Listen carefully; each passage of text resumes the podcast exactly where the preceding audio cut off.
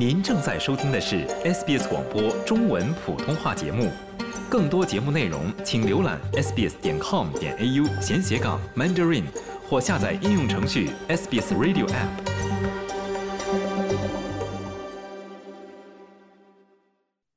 据七号台报，墨尔本有一名十二岁的女孩在 The Pillars 悬崖跳水时导致双腿骨折。The Pillars 是墨尔本海边非常有名的一个跳水点，近年来也是在社交媒体上吸引了非常多华人前往尝试。我相信，其实不乏有很多人应该是第一次去尝试这种冒险运动的。那么，这种运动会有什么样的风险呢？对此，我们邀请到了澳大利亚物理运动理疗师刘晨来跟我们一起探讨一下这个话题。刘晨您好，你好，Joe。那首先第一个问题，想知道一下这种悬崖跳水、高台跳水有什么样的风险呢？会导致人体产生什么样的损害呢？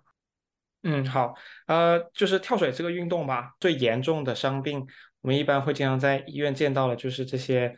脊柱损伤啊，甚至导致脊髓损伤的这些人群。我记得我在大学的时候，当时在这一个脊髓损伤科康复科实习的时候，就很多的啊病人刚刚从手术当中恢复过来的，他们之前受伤的经历，嗯，其中一蛮大一部分人就是年，特别是年轻人，就是因为去跳水，有的人是跳水是脚着地，然后呢，他们就很容易腰椎、腰部的那个脊椎啊骨折，然后导致那个地方的脊髓损伤。更加严重点的就是那种有点像是专业跳水，就是手、脑袋、头啊先下水的，他们就会有很容易伤到他们的颈椎，这种的话就会造成高位截瘫。对，这是最严重的，就是这这种损伤呢，会直接导致你要不然就是下半身双腿的瘫痪，要不然就是导致甚至从脖子以下的身体都会瘫痪，就是四肢都会瘫痪。哦，那其实风险还是非常大的。那这个跟高度有关吗？这一个其实最常见的受伤原因是因为跳水人他们没有预测到这个水的深度，然后他们跳下去的时候，等同于他们要不然就是脚或者屁股直接砸到了水底，要不然如果是他们头先下水的话，他们的脑袋直接啊触碰到了那个水底，然后因为那一个快速的一个。的一个力，然后就把那个脊柱给弯折了，然后在出现这个骨折的过程当中呢，就损伤到了我们脊柱当中的脊髓，然后这个脊髓因为控制我们的全身上下的动作，然后这些脊髓一旦损伤了，就很容易出现这种瘫痪、高危截瘫。对，其实这条新闻中其实也是说，这个女孩她可能是在退潮的时候跳下去。虽然现在新闻还不清楚是否是因为这个水位的原因，但确实也有这个风险的存在啊。那想知道，就是夏日炎炎，其实很多人确实会想要尝试一些这种跳水的运动。您对这些想要参加这种冒险运动的人有什么样的建议吗？啊，我的想法是这样子，就是所有的运动呢都有风险和它的收益，它的好处。所有运动都是，不管你是健身、打乒乓球、打羽毛球，还是打篮球、踢足球，他们都有自己的各自的好处和各自的风险。跳水它也有它的好处，它也有它的风险。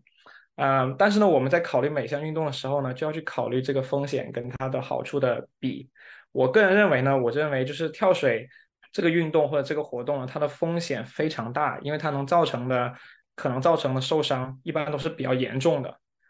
嗯，那像打乒乓球，它也可以造成，比如说手腕扭伤，或者说如果呃不小心的时候会脚踝扭伤。但是跳水，它能够造成的呃损伤的话，是我们刚刚提到的，像这种神经结构的上的损伤，这种甚至到造成我们。半身瘫痪、四肢瘫痪的这种损伤，所以我个人认为我是不太建议啊以这种方式为主要的运动方式。大家如果出去玩的时候，可以啊在知道这一片区域是安全的情况下，可以去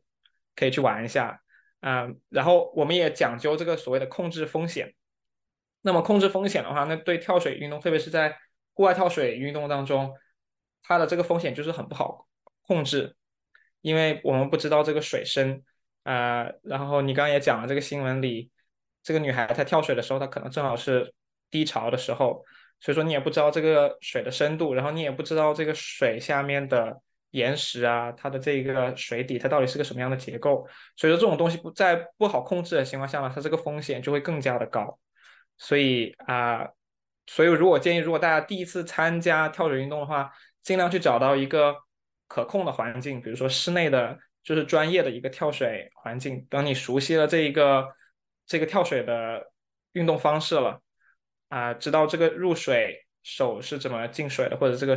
脚是怎么进水了，然后这时候再去到户外，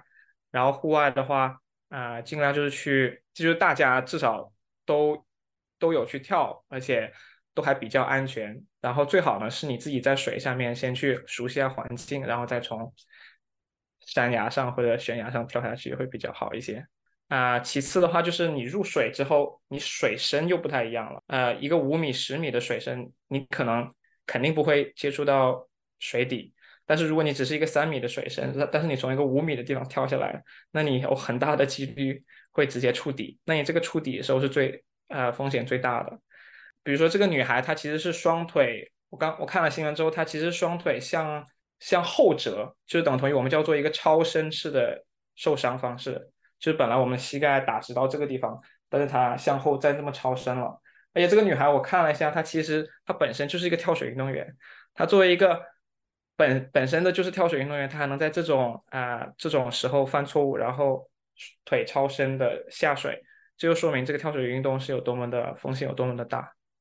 那我们其实看到这条新闻啊，女孩在跳水后感觉到不对，第一时间就将自己的不适感告诉了父亲。那好在女孩是没有伤及背部或者引发神经方面的问题，只是膝盖以下的胫骨和脚踝出现了骨折，以及有一些韧带损伤的问题啊，这个也算是不幸中的万幸哈。所以在这里也要再次提醒各位听众朋友们，在野外进行比较冒险的运动时，一定要预先问问自己，这片水域是不是安全的，是不是了解了该运动潜在的风险呢？以及呢，也要建议大家在户外活动时最好结伴前行。好的，那非常感谢刘晨今天再次做客我们的节目，给我们带来的分享，谢谢您。好，谢谢 Joe。想听到更多这样的故事吗？您可以通过苹果播客、谷歌播客、Spotify，或者您喜爱的方式下载收听。